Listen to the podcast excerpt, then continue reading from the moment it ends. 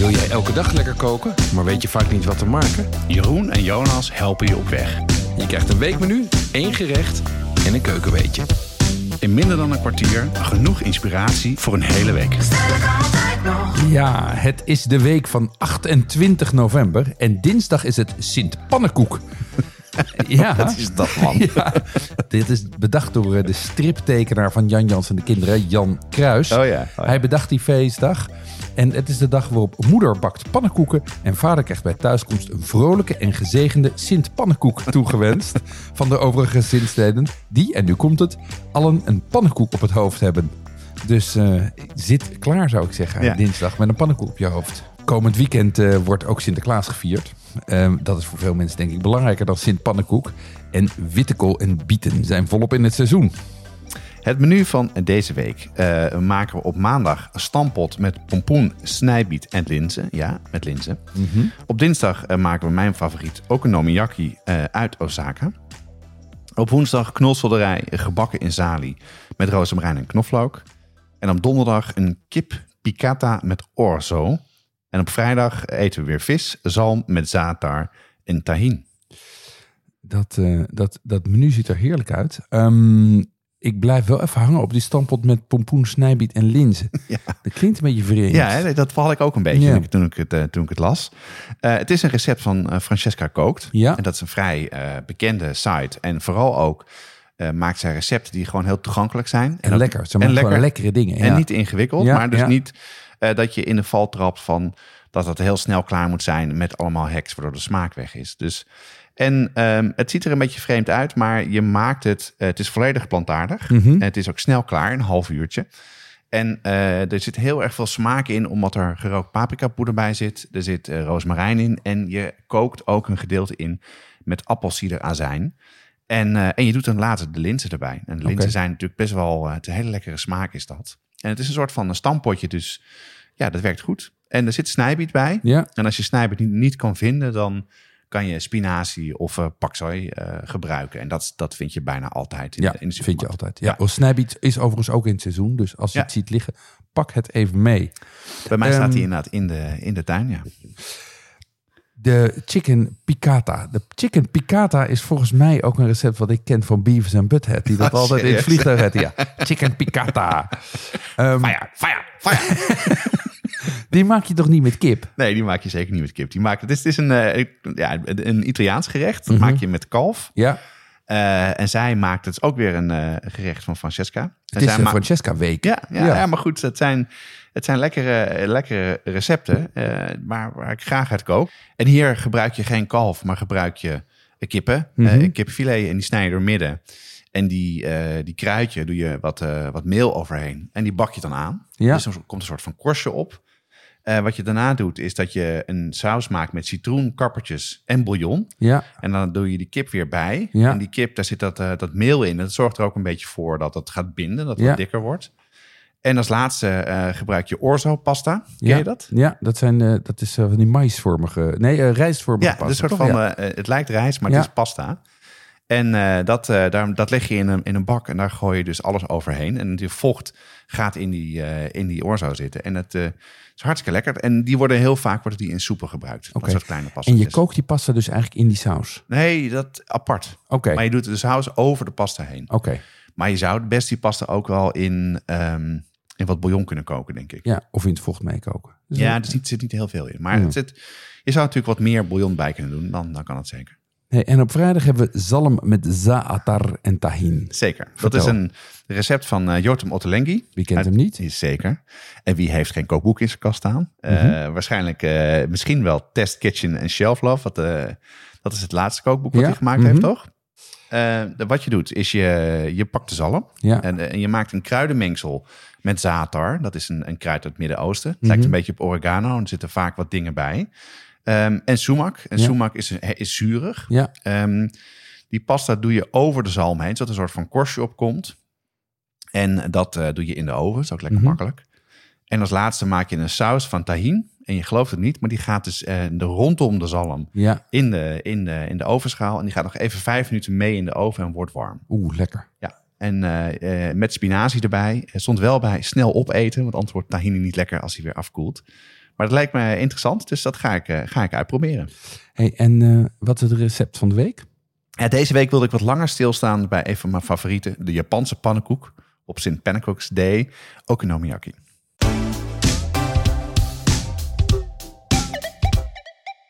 Op onze site hebben we ruim 400 recepten staan, maar voor meer dan 200 ingrediënten moet je toch echt even naar een speciaalzaak gaan of een toko. Ja, en vanaf nu kan je die dingen online vinden bij onze partner pimenton.be. Dat is de webshop voor foodies en hobbycooks. We hebben inmiddels al onze recepten gekoppeld aan een webshop. Bestellen gaat dus heel makkelijk. Het is alleen klikken op een link in de ingrediëntenlijst. Ja, en Pimenton zit in België, maar bezorgt in de hele Benelux voor 3,95. Ga naar pimenton.be om te bestellen. Ja, die okonomiyaki die moet je, moet je me even uitleggen. Wat is dat? Het is een, eh, het is een Japans gerecht. ehm, en het is een eh, gerecht waarin je een beslag maakt.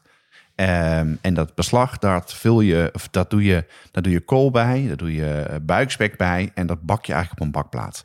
Dus het wordt een soort van dikke, dikke plak is dat.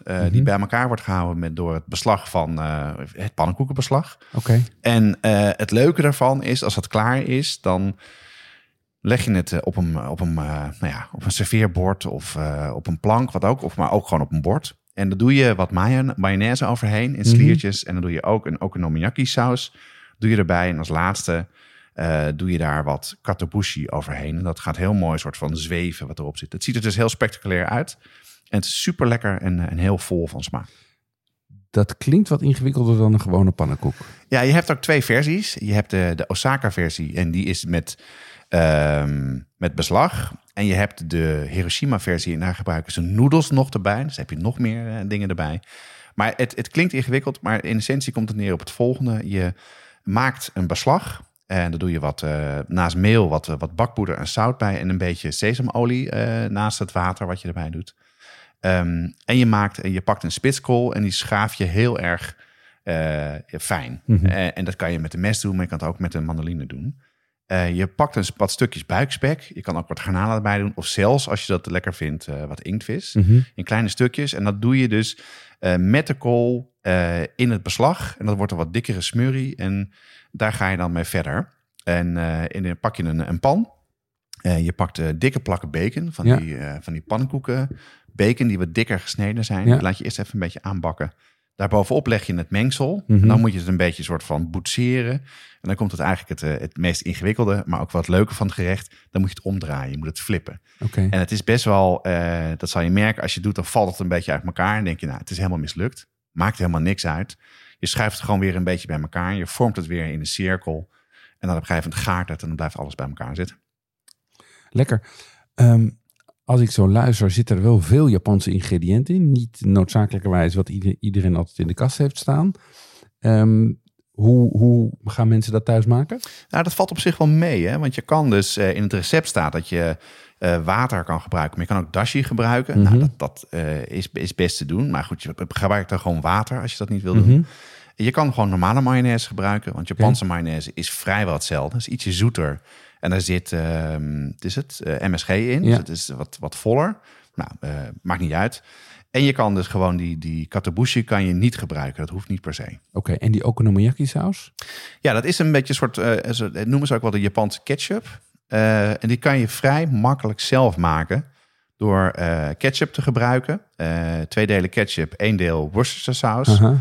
Wat soja, sojasaus doe je erbij en een klein beetje wat zoeter, wat honing of wat suiker. En dan Oké. heb je vrijwel hetzelfde. Ook dezelfde consistentie. Dus is eigenlijk gewoon een pannenkoek met ketchup en mayonaise. Uiteindelijk wel, ja. En, Pannenkoek- een soort pannenkoek speciaal. En, en, schilfers eh, met tonijn. Dus ja, maar Ja. het is echt... eh, een- jij hebt het volgens mij ook wel eens gemaakt. Het is Ja. echt een, eh, een winner. Het, het lijkt raar, maar het is heerlijk.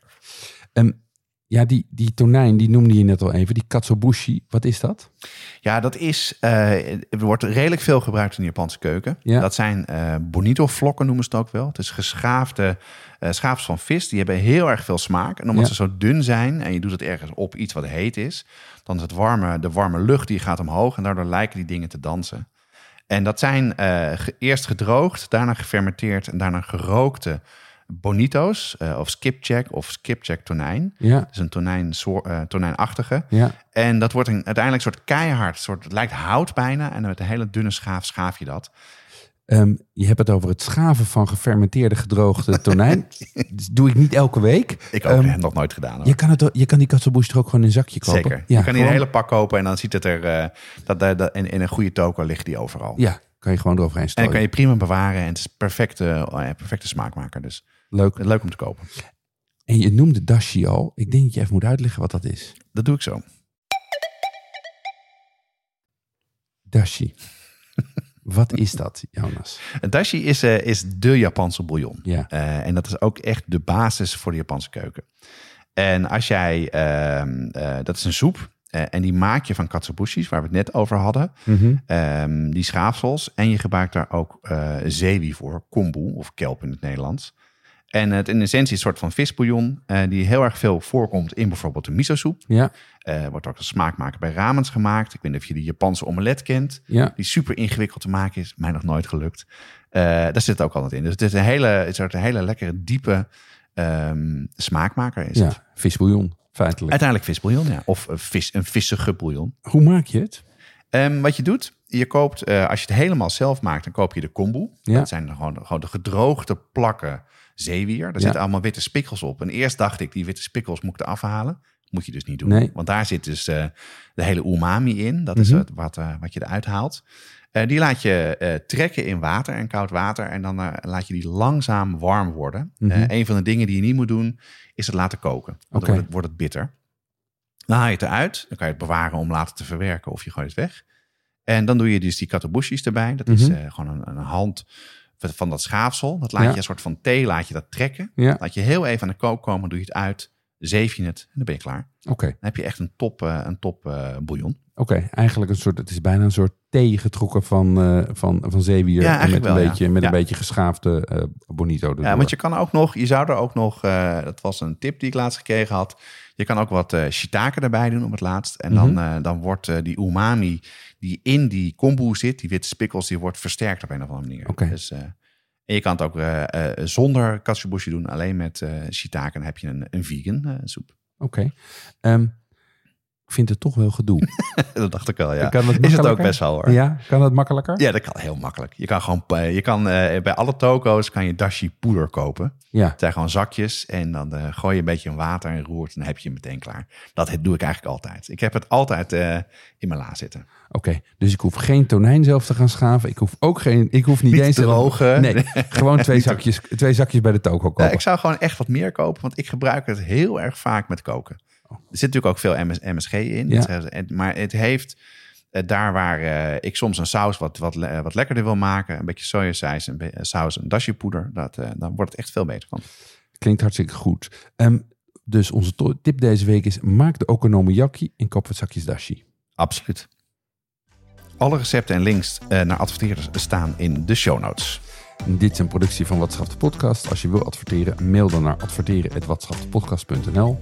Maandag zijn we er weer met een nieuw menu, een nieuw recept en een keukenweetje. Tot volgende week. Want ook dan geldt, bestellen kan altijd nog.